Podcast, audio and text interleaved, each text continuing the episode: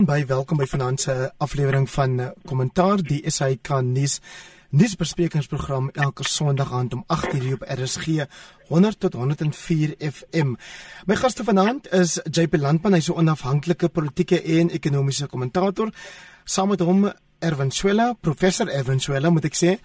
Hy is 'n uh, kundige in publieke leierskap en dan het ons saam met hulle vanaand Karine Du Plessis wat instaan wanneer jy dalk gehoor ek het in die promo wat die mense elke afvertensie moet noem van die program gesê het dat ehm um, Crystal Orders en vanaand sal saamgesels. Het vanmiddag al weet sy kan dit nie meer maak nie. Maar sy was sy was gaaf genoeg om haar vriendin Karine Du Plessis te vra om vir haar in te staan. Goeienaand by welkom aan julle al drie. Goeienaand. Goeienaand. Goeienaand So kom ons begin dan JP Landman deur aan te sluit by Heinz Winkler se liedjie Our Nation deur vir jou te vra hoe reken jy het Our Nation die afgelope jaar gevaar wat regering aanbetref en die samelewing in terme van ons hantering van die COVID pandemie Ja, ek dink redelik goed, Hendrik. Uh nie so goed so Suid-Korea nie en nie so goed so China nie, maar uh beslis beter as die as die Britte byvoorbeeld en beslis beter as die Amerikaners.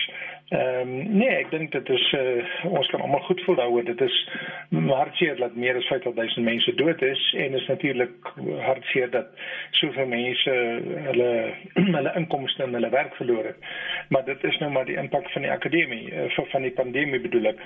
Uh ek dink as ek as ek 'n syfer moet gee 10 dan sou ek Suid-Afrika 610 gee vir die hantering daarvan almal in Suid-Afrika ook die lede van die burgerlike samelewing die maniere waarop gewone burgers opgestaan het en koskombuise gereël het en kospakkies uitgedeel het en seker tipe van goed dink ek was nog al 'n heel besonderse heel besonderse ervaring geweest Erwin Swela 6 uit 10 wat is jou syfer of jou getal of jou ja, wat om mense dit jou prestasie ehm um, beoordeling. Ja, miskien net om mee te begin, JP en ek was saam in die kos op Stellenbosch. nee, maar en dat hy nou die akademie met pandemie verwar. Uh, uh dit dit is op dat hy ambisies het, moenie worry, moenie bekommerd wees.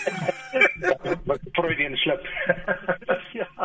Uh hoe hoe dit, hoe dit ook al sê nee, ek dink nie die prestasie was so uh besonders nie. Ehm uh, miskien net 'n bietjie uh ontledende agtergrond. Ek kyk ek kyk na leierskap. Uh, dis dis 'n wonderlike geleentheid om leierskap te beoordeel teen die agtergrond van sê nou maar uh, toestande waar daar relatiewe stabiliteit is en dan toestande waar daar 'n krisis is. En as jy dan 'n krisis het, vereis dit waarskynlik 'n ander stel ehm um, gedagsforme, denkforme om uiteindelik binne die krisis te lei. Nou dan is daar ook net interessant is daar verskillende forme van krisisse, nê? Daar's langdurige en kom ons sê relatief ehm um, nie dodelike krisisse nie. Ehm um, dan is daar korttermyn dodelike krisisse. Wanneer die vliegtuig val of wanneer jy in die lugval inloop, uh, is dit is dit 'n korttermyn en 'n dodelike krisis. Ons het hier 'n langdurige dodelike krisis. En dit stel 'n stel uh, besondere vereistes aan aan aan leierskapsvermoë. Nou ek dink die belangrike ding ding hier is om te sê dat ja, ek dink ons het eintlik wat die uitkomste betref nie sleg gevaar nie, maar dit is ook 'n wêreldwye tendens. Ons is nie so ver buite die uh parameters van sê nou maar die die die statistiese waarskynlikheid van sterftes syfers uh besmettings en so nie. En ja, uh die president het van tyd tot tyd dink ek wel uh, presidensieel oorgekom en die geleenthede gebruik om met bepaalde vermoëns van ehm uh, oorredende kommunikasie ons almal te beïndruk. Maar wat wel 'n probleem is is dit het die foutlyne in ons samelewing eintlik versterk. In die sin dat ons sit reeds met armoede, ongelykheid, werkloosheid en grootskaalse korrupsie. En ek wil nou nie op al hierdie fasette ingaan nie, maar vir die oomblik kan ons sê dat wat besonder jammer was, eintlik tragies, is dat daai foutlyne eh, wat soms mekaar op wederzijds versterk, het daartoe gelei dat daar ongebreidelde korrupsie hier was. En ek dink uh, ja, ons het die pandemie nie te sleg gehanteer in terme van die die leierskap nie, maar uiteindelik is daar in al die lae van leierskap groot probleme. Ehm um, en ek dink nie ons het onsself 'n groot guns hier gedoen ehm um, met die vlakke van korrupsie, die die vlakke van ehm um, kom ons sê byna uh ja, uh, voeding op, op op al die geleenthede om jouself te verryk nie. So uh, relatief goed ek dink eh uh, uh, uh, uh, JP se ses uh, is egter 'n redelike goeie punt. Ek sou eers 'n 4 en 'n 5 wou gee. Karin, um, baie dankie dat jy ingestaan het of dat jy besluit het om in te staan vir 'n naand vir ons uh, kollega Christel Oderson 510 of 610. Uh, is daar die enige twee keuses?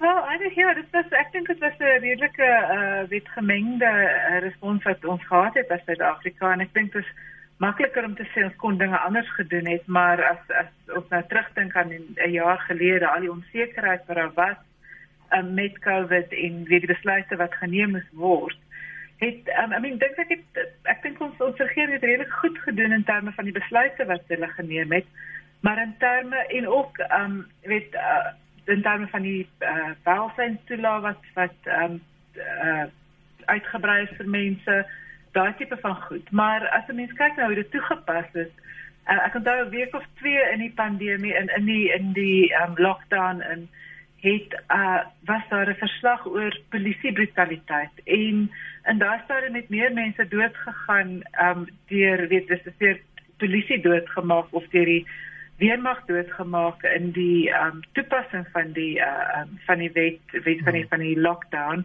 as wat daar dood gegaan het in COVID en Um en ek het toe gedink maar ja, weet dis dis nou wonderlik dat ons al hierdie weet goeie besluite het en al hierdie streng partyke bietjie irrasionele reëls ook ek dink daar daar was ook um ook gewys het ons kon ook bet, beter wette gemaak het en meer geluister het na mense, maar ek dink dit het beter geword um, soos ons aangegaan het. Um so ja, so ek dink dit was 'n redelike gemengde gemengde uh, uh spul, maar Um ek dink vir die algemeen het die regering relatief goed gedoen um, om alles te probeer balanseer. Die korrupsie dink ek is nie eie aan Suid-Afrika nie. Ek nou het 'n tweet gesien van iemand wat wat kwaad was oor iemand wat te veel geld op um op een van haar COVID ding bestee het deur een van die regering en ek dink ook maar dit is nou Suid-Afrika, dit is nie net Brittanje. So daar's ook kweet baantjies vir boeties gewees, daai tipe van goed. Um So ja, ek meen ek dink Suid-Afrika kon beter gedoen het. Ek dink daar ehm um, weet dat ja, die die korrupsie dit dit sou wonderlik gewees het as ons vir 'n slag nie korrupsie gehad het nie. Maar vraag met die res van die wêreld dink ek ehm um, dit ons nie te sleg gevaar nie. JP, ehm um, dis goed dat ons nie korrupsie gehad het nie, sê Karin. Dit is baie vriendelik dink ek van haar. As jy in ag neem dat baie van ons lees Ek sê dit sou beter gewees het as ons nie korrupsie gehad het. As ons nie gehad het nie, ja ja, jy's. So ehm um, die feit dat ons gehad het JP, wat sê dit vir jou dat ons selfs in 'n tyd van 'n pandemie oor daai ek wil amper sê kern probleem van ons samelewing in die na was dit na 94 of was dit ook voor 94 samelewing ehm um, dat dit vir ons so 'n uitdaging was. Wel, dit wys maar net dat ons as mense, soos Karin gesê het, uh, daar's berigte oor korrupsie in uh, in in in die Verenigde Koninkryk, daar's berigte oor korrupsie in China, daar's berigte oor korrupsie, jy weet, wêreldwyd. Die mense is mense en hy gaan maar altyd probeer om uh, hy gaan maar altyd probeer om 'n uh, kortpad te vind. Kan ek jou in die rede val daarso? Ja hoor ek jou reg sê dat die mens is mens en daarom moet ons aanvaar dat daar mense is wat altyd kortpad sal probeer kies en daarom moet ons verlief neem met korrupsie? Nee. Nee, jy jy jy gaan te ver met verlief neem. Die punt wat ek wou maak is ek dink die groot uh, voordeel of die goeie ding wat uitgekom het uit die die um, COVID korrupsie is die geweldige publieke reaksie daarteen. Okay. En dit, ja. dit was nogal vir my baie bemoedigend. As jy dit byvoorbeeld nou vergelyk met die reaksie op uh, Sinema Nkandla of jy vergelyk dit met die reaksie op die uh, uh, Gupta goed by Eskom en so aan. Die reaksie rondom COVID was baie baie meer intens, baie wyeer, baie breër uit die samelewing. En dit was vir my 'n baie goeie ding want dit het vir my gesê dat daar's iets besig om te skuif in die waardesisteem van Suid-Afrikaners. En dit is eintlik die enigste manier wat jy die ou ende teen die teen korrupsie kan kan uh, uh, jy weet met sukses kan optree. Jy uh, moet natuurlik weer regsprosesse hê en mense moet hof toe gaan en so aan, maar uiteindelik kom dit uit die waardes van die samelewing. En daar is baie lande wat meer korrup is as ander lande. Ek weet dit is uh, daardie dok daardie um, navorsing is, is goed gedokumenteer. So vir my was dit interessant om die intensiteit van Suid-Afrikaners se reaksie te sien. En en ek dink dit gaan nog 'n hele paar jaar lank by ons bly en ek dink dat dit ons gehelp om uh, om ander uh, ander stelwaardes te begin vorm. Dit was vir my goed. Erwin, jou mening op wat JP nou gesê het? Ja, ek dink eh uh, soos altyd JP se ontledings uh, gaan kyk ook na die konstruktiewe, die funksionaliteit selfs van uh, aspekte in die samelewing wat problematies is en ek dink dit is 'n 'n goeie benadering. Eh uh, die benadering wat wat ons volg in in leierskapsteorie en onthou hierdie is 'n is 'n besonder komplekse probleem. Ons onderskei dikwels tussen komplekse probleme en dan gekompliseerde probleme. In Engels werk dit 'n bietjie beter complex problems en dan complicated problems en dan time problems of technical problems. Maar ons het hier 'n groot komplekse probleem gehad. Daar was eintlik nêrens in die wêreld 'n uh, uh, uh, maklike antwoorde vir hierdie besondere groot uitdaging nie. En dan is daar verskillende leierskapsbenaderings en uh, die die beste een onder die onder die toestande van komplekse probleme is dat 'n mens lerende leierskap toepas. Aanvaar dat daar sekere dinge is wat jy nie weet nie, nie kan voorspel nie en op basis daarvan vir jouself vir jou vrae vra, wat gebeur hier? Hoekom gebeur dit? Wat kan ons uit leer en hoe kan ons leer terugbou in die stelsel? En dan bou jy oor tyd 'n stel vermoëns op om met die komplekse probleem te hanteer en hooplik skep dit 'n stel 'n kapasiteitsbasis vir die toekoms.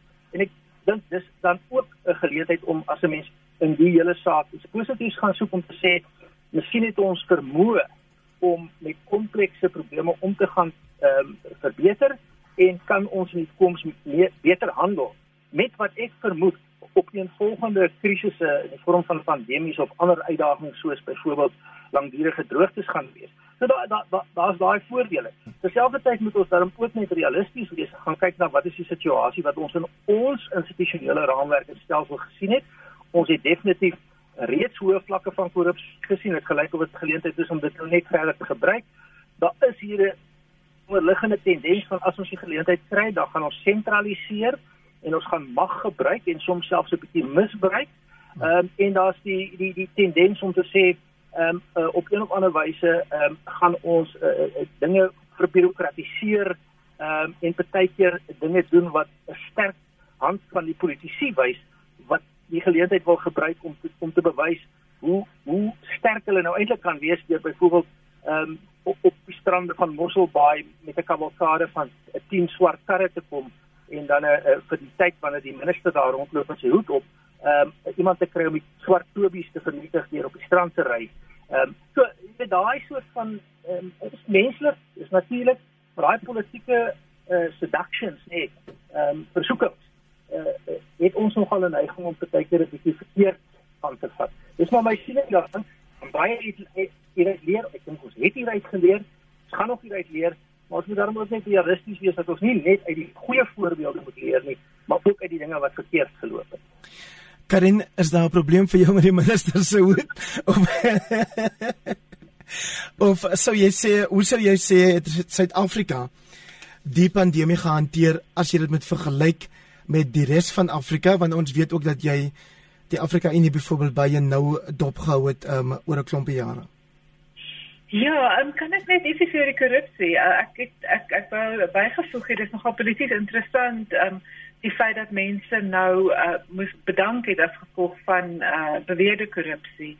Uh ons het Bandile um wat ek gesien in in Gauteng en um Sindiswe Sindiswa Gomba in um, in die Ooskaap. En ons sien ook nou dat die minister van gesondheid 'n uh, tender, 'n uh, kommunikasie tender van 82 miljoen rand wat die Daily Maverick het nogal daar berig wat um uh, uh bevraagteken word um dat dat hy daai tender moes um wat nie meer dit ek dink opskort of dan moet dit uh weet een kant toe skat. Hmm. Um so ja, so ek dink dit is nog interessant. Um, ek dink jy onder Jacob Zuma het dit goed gebeur het, nee. maar um, in terme van hoe Suid-Afrika die pandemie uh, hanteer het in, in vergelijking met de rest van Afrika, ik denk relatief goed. Um, Senegal heeft ook een baie goede um, respons gehad. Ik denk hij heeft, um, hy het meer um, eindstof wat ons nou en ek dink hulle hulle gaan vinniger met hulle program hulle program uitrol lê nogal redelike um, indrukwekkende instituut daarso op wat um, wat met die met met met um, met die pandemie uh, wat dit hanteer het. En um, Maar ja, ek dink Suid-Afrika het goed vergelyk. Ek dink in baie ander lande, byvoorbeeld die Demokratiese Republiek van die Kongo, daar was reeds weet 'n um, infrastruktuur om om om teen pandemies om om te met met die pandemie te um wat nie meer dit met die Ebola pan eh, te hanteer te bestuur. Nog te bestuur. Die Ebola epidemie te bestuur. Um so ek dink um ek dink die res van Afrika het 'n relatief het, het beter gevaar as wat baie mense gedink het hulle staan voor. Maar ek dink um, met die tweede vlaag het dit um, ek in Tansanië byvoorbeeld het glad nie um het ek in April verlede jaar opgehou om um COVID infeksies te um toets. En um en nou sien ons ek dink wat onlangs 'n week of twee gelede was daar 10 mense politici mense in hoë posisies wat wat dood is. Um onder meer ek dink die visiepresident van Zanzibar um wat wat ook oorlede is. En dit lyk of dit COVID was dat daar sit te gedoen nie. Maar um ja so ek dink Tanzanië byvoorbeeld uh, is nie ander end van die spektrum hulle het heeltemal ontken en nou um, nou sit hulle met 'n baie groot probleem uh, as van mense wat siek word en doodgaan. Um, Heinrich? uh, ja. Ja. Heinrich? As ek tog nog 'n positiewe punt hier wil plaas dan moet ek sê die vermoë van Suid-Afrika in terme van ons wetenskaplikes ons mediese kundigheid die toewyding van ons gesondheidspersoneel en wanneer ons dan hierdie krisis het, ons vermoë om dan onder die toestande van die krisis uh eintlik saam te werk om die probleem uh te bowe te kom. Mag 'n voorbeeld wees wat ons waaruit ons kan leer. Miskien moet ons vir, vir ons ander krisisse, die ekonomiese, die politieke, die sosiale krisisse ook 'n baie meer uh poging aanwend tot samehorigheid en die gebruik van al die kundigheid om hierdie krisisse aan te spreek en nie bepaalde kundigheid uh, marginaliseer nie. So hier's 'n klomp uh never waste a good crisis soort van lesse um, om te leer. Ondanks die tragedie van die van die van die groot getal mense wat gesterf het en mense wat baie swaar gekry het en uiteindelik nog dalk gaan swaar kry omdat die gevolge van uh, van die ekonomiese gevolge van die krisis. Ja. JP gaan jy nie vra om te reageer op die feit dat professor Swela vanaand soveel Engelse woorde gebruik in sy kommentaar met die Die luisteraars gaan beslis nie daarvan nou nie. Maar kan ek jou vra om te praat oor die dilemma van ehm um, hoe ons in elk geval in Suid-Afrika voel dat ten spyte van die mediese waarna professor Swela verwys het se kundigheid en se raad aan die regering was dit eintlik steeds die politici onkundig soos wat hulle mag wees oor 'n pandemie wat die finale besluite geneem het. Ja, dit is so. Hulle het die finale besluite geneem, maar mense het tog die indruk gekry dat hulle dat hulle redelik gereageer het op die op die professionele insette wat wat gelewer is. Ek dink byvoorbeeld uh, ek dink byvoorbeeld aan die uh, aan die besluit om nie die AstraZeneca uh, instof te versprei nie. Ja, maar dis nee, dis dis dis die dis die laaste deel van van die verwikkelinge. Praat van vroeër as dit kom by sê nou maar die inperking. Ja, kyk ek ek ehm, ek weet nie van mediese wat wat daar teen gekant was nie. Trouwens ek dink daar's baie mediese wat gehad het uh, wou gehad het ons moet langer aanhou met die inperking. Ehm uh, nee, ek het nie uh, ek ek, ek dink die uh, oor die algemeen was die dit so goed as wat dit kon wees. Kyk jy gaan altyd wanneer jy sulke maatreëls begin tref, gaan jy altyd op die uh, op die marge op die grens gaan jy altyd onsinnige reëls skryf uh dit is maar deel van die proses. Die minister van Handel en Nywerheid het uh reëls of regulasies gepubliseer oor wat se broeke en skoene winkels mag verkoop of nie mag verkoop nie. Nou interessant genoeg daardie lyste is opgestel deur die klerebedryf. Dit is nie opgestel deur die regering nie. Die regering het dit net gepubliseer. Hulle het vir die groot handelswinkeliers gevra, "Hoe dink julle wat moet ons hier reguleer? Hoe moet ons dit doen?" Toe sê hulle ons om hier 'n lys. Uh jy weet so uh, jy, jy Ek dink uh, dit was ehm um, wie se regering se se groot tot Salim Karim wat gesê het ons ons het ons het 'n voertuig gebou soos wat ons gery het.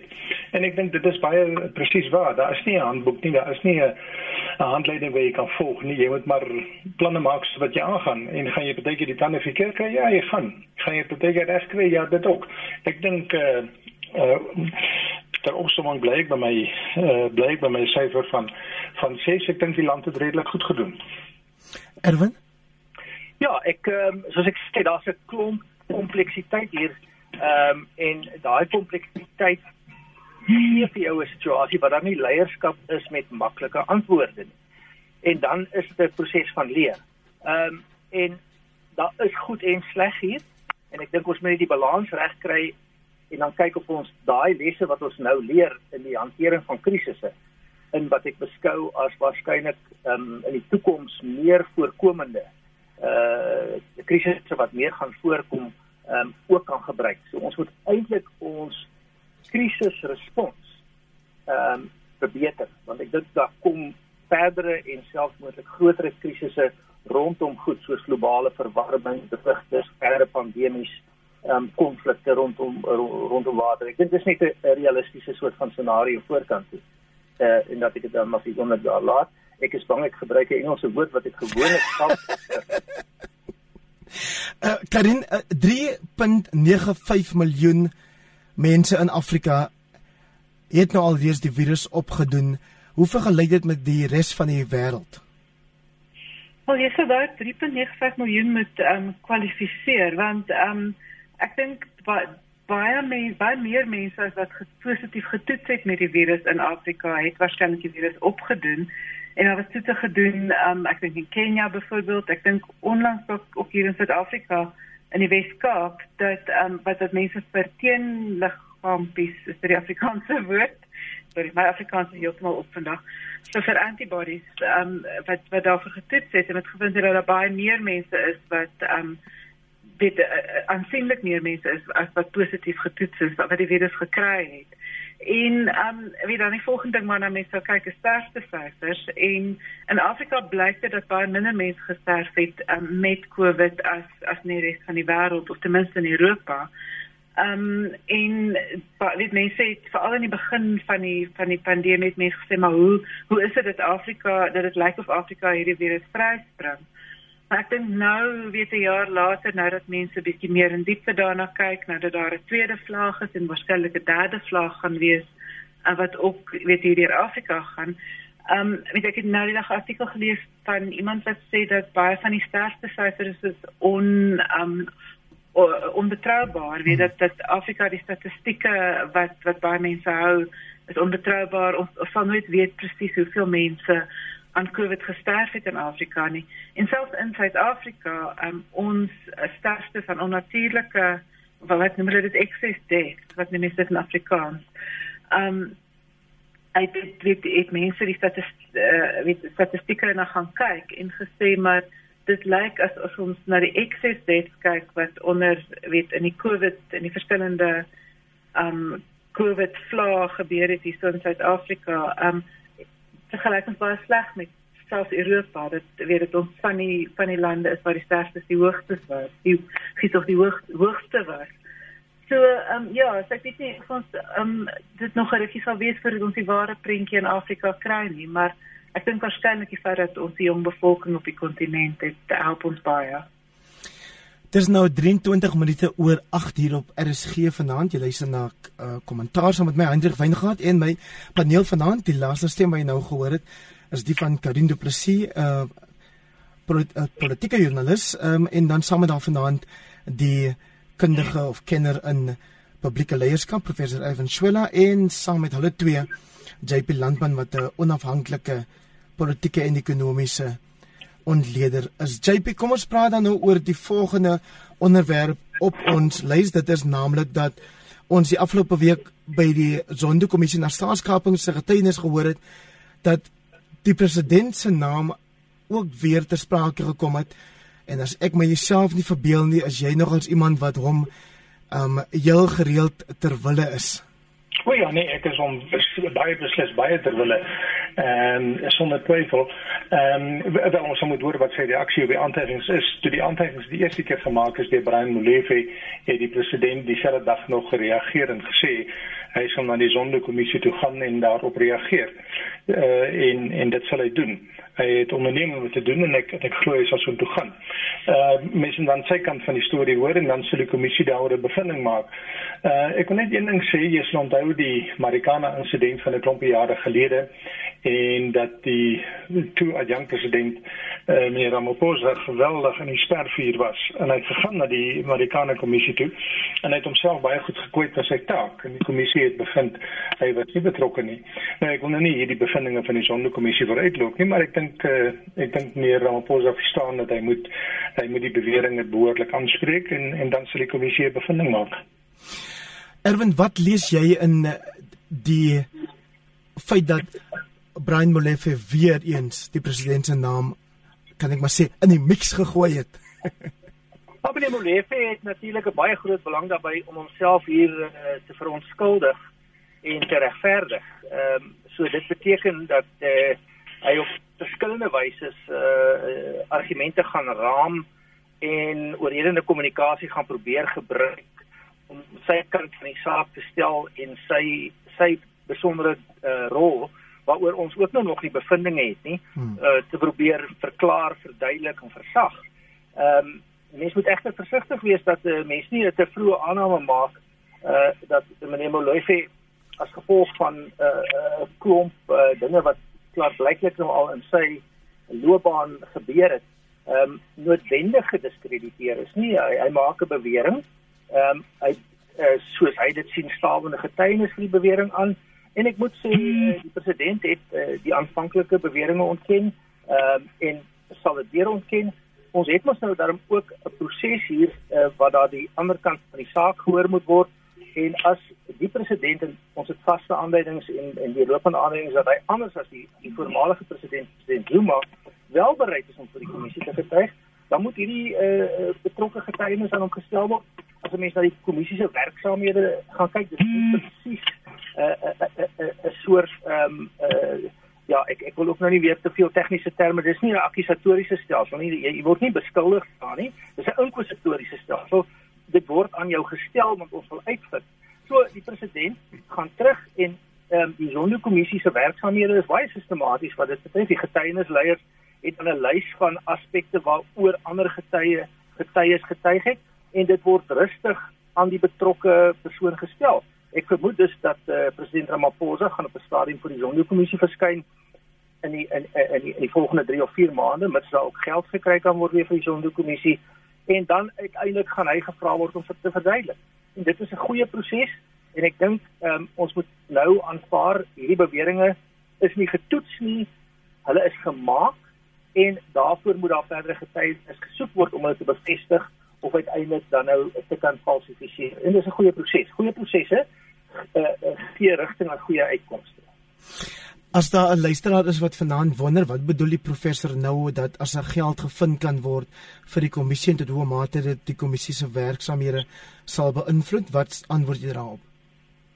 Um, ons weet ons dat die kommissie se werksamehede as gevolg van 'n verskeidenheid faktore miskien uh in die eerste plek is is die, is die belangrikste faktor ons het ons het die die aard en die omvang van die van die probleme uh, rondom al die uh korrup, korrupsie aantuigings onderskat en wanadministrasie is die kommissie se se termyn nou al verleng en dit word 'n kwessie want dan moet almekaar nuwe befondsing gekry word. Onthou die kommissie word ook uit staatsfondse befonds. Daarvoor moes begroot gewees het so hierdie word alles addisionele uh druk op ons begrotingstelsel. En die kommissie se tyd is nou eintlik al verby, was al een keer verleng, weer verleng en nou is daar 'n soeke na fondse. En my standpunt is ons moet die fondse vind. Uh, uit die hart van die saak, die gesonke koste is reeds hoog, ons kan nie nou ophou nie. En die kommissie dink ek doen breedweg uitstekende werk om ook daai bewuswording te skep en daai omdraaipunt, daai kantelpunt uh ehm um, te loop. Hy dis was 'n nuutskepping van my in Afrikaans, kantelpunt. Nee. Ehm um, so uh ek probeer dan hoe dit ook sal sê. Ek is ek is seker daar's groot waardering by die luisteraars oor dat jy van daai klomp Engels af vroeër nou ja. um, ons herinner dit aan dat jou taalvaardigheid in Afrikaans skitterend is uh um, Erwin. Um, Karin so Suid-Afrika is ook geprys al die jare nog wêreldwyd vir die feit dat ons 'n waarheids- en versoeningskommissie gehad het. Ek wil my amper verbeel dat hierdie kommissie of ondersoek uh, ja kommissie na staatskaping ook 'n eerste is dalk in die wêreld, maar beslis in Afrika. En hoe dink jy kyk die res van die vasteland na ons wat hierdie kwessie aanbetref? Wel, ek dink die interessante ding van die kommissie is dat dit ook ehm um, die die tyd waar weet dit die feit dat dit nou langer en langer ehm um, met met se werksaamhede moet aangaan. Ehm um, kom ons nou dan nader nader aan die ANC se verkiesings die die konferensie waar die ANC nuwe le oh, leierskap moet verkies uh volgende jaar 2022. So dit het ook al vir politieke teater geword. Um en ek en Brian Molefe en gebruik dit baie goed ook om vir vir Cyril Ramaphosa sleg te sê. En feite maak nie soveel saak in die politiek soos um soos wat um 'n persepsie saak maak nie. So so in daai sin um weet jy dit het al politieke teater geword en in die res van Afrika ek dink ek ja ek het lanklas 'n bietjie rondgereis 'n jaar lank rondgereis om te hoor wat wat mense op die grond dink daarvan. Maar um, maar ek het ook dit Zimbabwe byvoorbeeld langs van um, het ons ook vir president uh, Emerson Mnangagwa gesien hoe hy optree teen korrupsie en um weet aksie aksie neem teen korrupte ministers of korrupte staatsamptenare en dat dit eintlik maar 'n faksie geveg op die ou end is en ek dink dalk baie mense in die res van Afrika sal ook weet nou na die sonderkommissie kyk as as 'n tipe van faksie geveg omdat dit op sosiale media byvoorbeeld deur uh, veral ondersteuners van voormalige president Jacob Zuma so uitgebeeld word. Ehm um, weet as as die Ramaphosa faksie wat wat hulle probeer vasvat.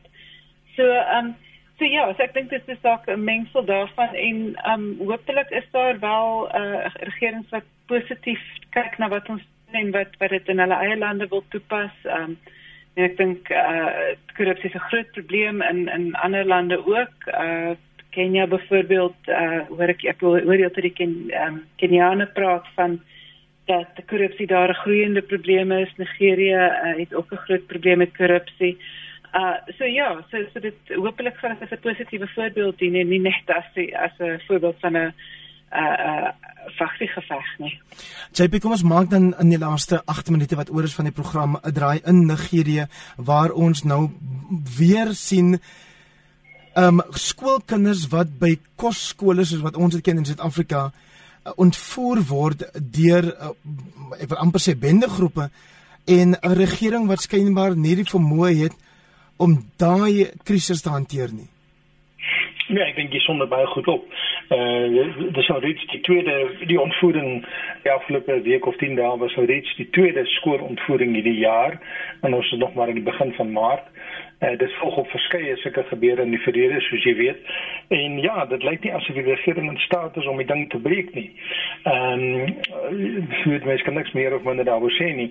Ek dink ons net in gedagte hou die die probleem in Nigerië het ook 'n onderliggende godsdiens fundamentalistiese streep. Hmm. En ons begin getuienis daarvan sien in Mosambiek wat die reg op ons die reg op ons voorstoep is. So uh, dis baie interessant dat die departement van buitelandse sake nog nie uh kragtige uitsprake daaroor gelewer het nie. Maar ek meen dit is beslis iets wat nader aan ons skryf en ons wil op 'n stadium daarmee moet deel.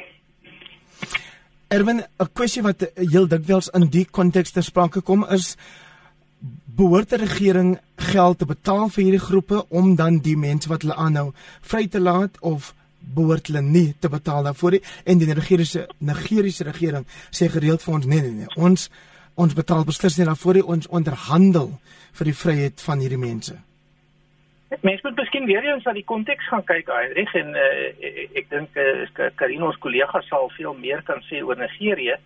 Nigerië is 'n is 'n groot federale staat met baie diversiteit. Ehm um, in die noordweste uh, is daar is daar uh, voortdurend hierdie soort probleme. Ehm um, daar is ook 'n gedeeltelike verklaring daarvoor in terme van uh uh, uh, uh fanatistiese godsdiens aspekte.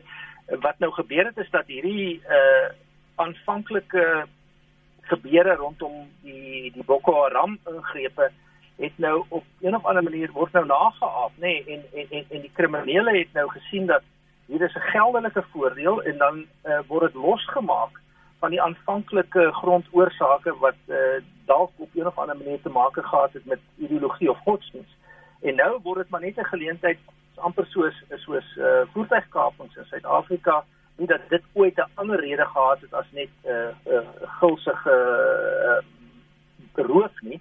Maar maar hierdie het dis 'n situasie dat hier 'n naapery gekom het.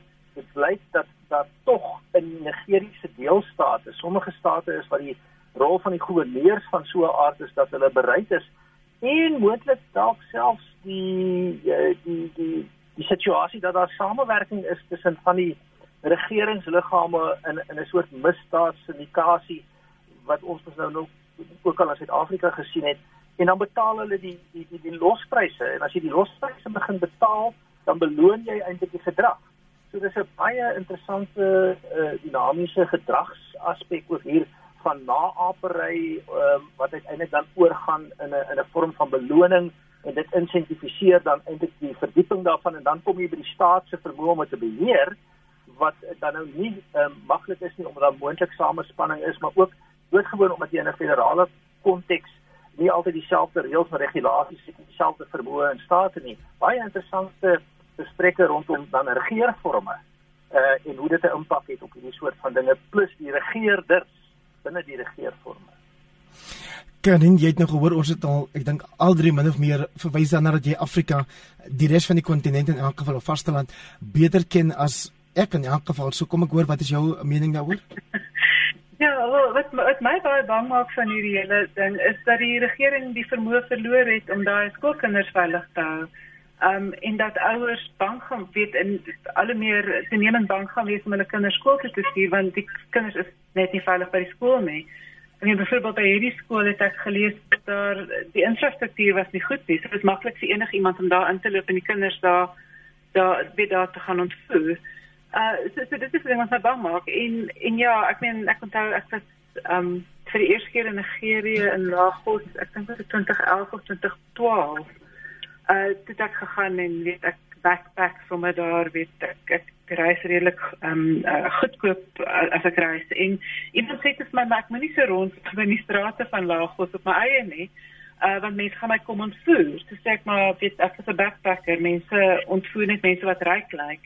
En dit was in die in die verlede die die geval. As jy ryk lyk en as jy lyk of jy vir jou familie baie um, geld sal betaal om jou los te kry um, dan dan is daar 'n groot kans dat jy ons of dat nie groot kans jy daar 'n kans dat jy ontvoer kan word. En um, nou lyk dit my of weet of die ontvoerders besluit het maar wat as jy 300 skoolkinders kan ontvoer dan kan jy kan nie ook 'n losprys kry vir hulle. En ek het iewers gelees dat dit 18 miljoen dollar is in die afgelope 9 jaar uitbetaal aan aan ontvoerders as 'n losprys. So ja, so lyk like, dit is 'n besigheid in Nigerië en uh, die die uh, regering sal definitief na die polisieering moet kyk. Dit is dit om om jou um, mense veilig te hou is 'n baie belangrike uh, uh, deel van die regering. Dit is 'n baie belangrike taak wat die regering het. 'n Ander groot nuus storie JP hierdie week in Suid-Afrika in elk geval is die afsterwe van Karima Brown, 'n bekende politieke joernalis, en die vraag natuurlik oor hoe jy iemand uh, moet 'n nalatenskap as 'n joernalis moet beoordeel as die joernalis self ook baie keer in die nuus was vir wat um, sommige mense gedink het dalk um, jy weet onbehoorlike, kom ek sê nou maar net loopbaanbesluite was. Ja, kyk, uh, my uh, probleme daar nalatenskap is ons in 'n vanaand in hierdie program baie gepraat oor korrupsie en ons het gepraat oor swak bestuur en by implikasies swak dienslewering. Uh, ek dink niemand het meer gedoen in Suid-Afrika vir korrupsie en swak bestuur as uh, as meneer Zuma nie.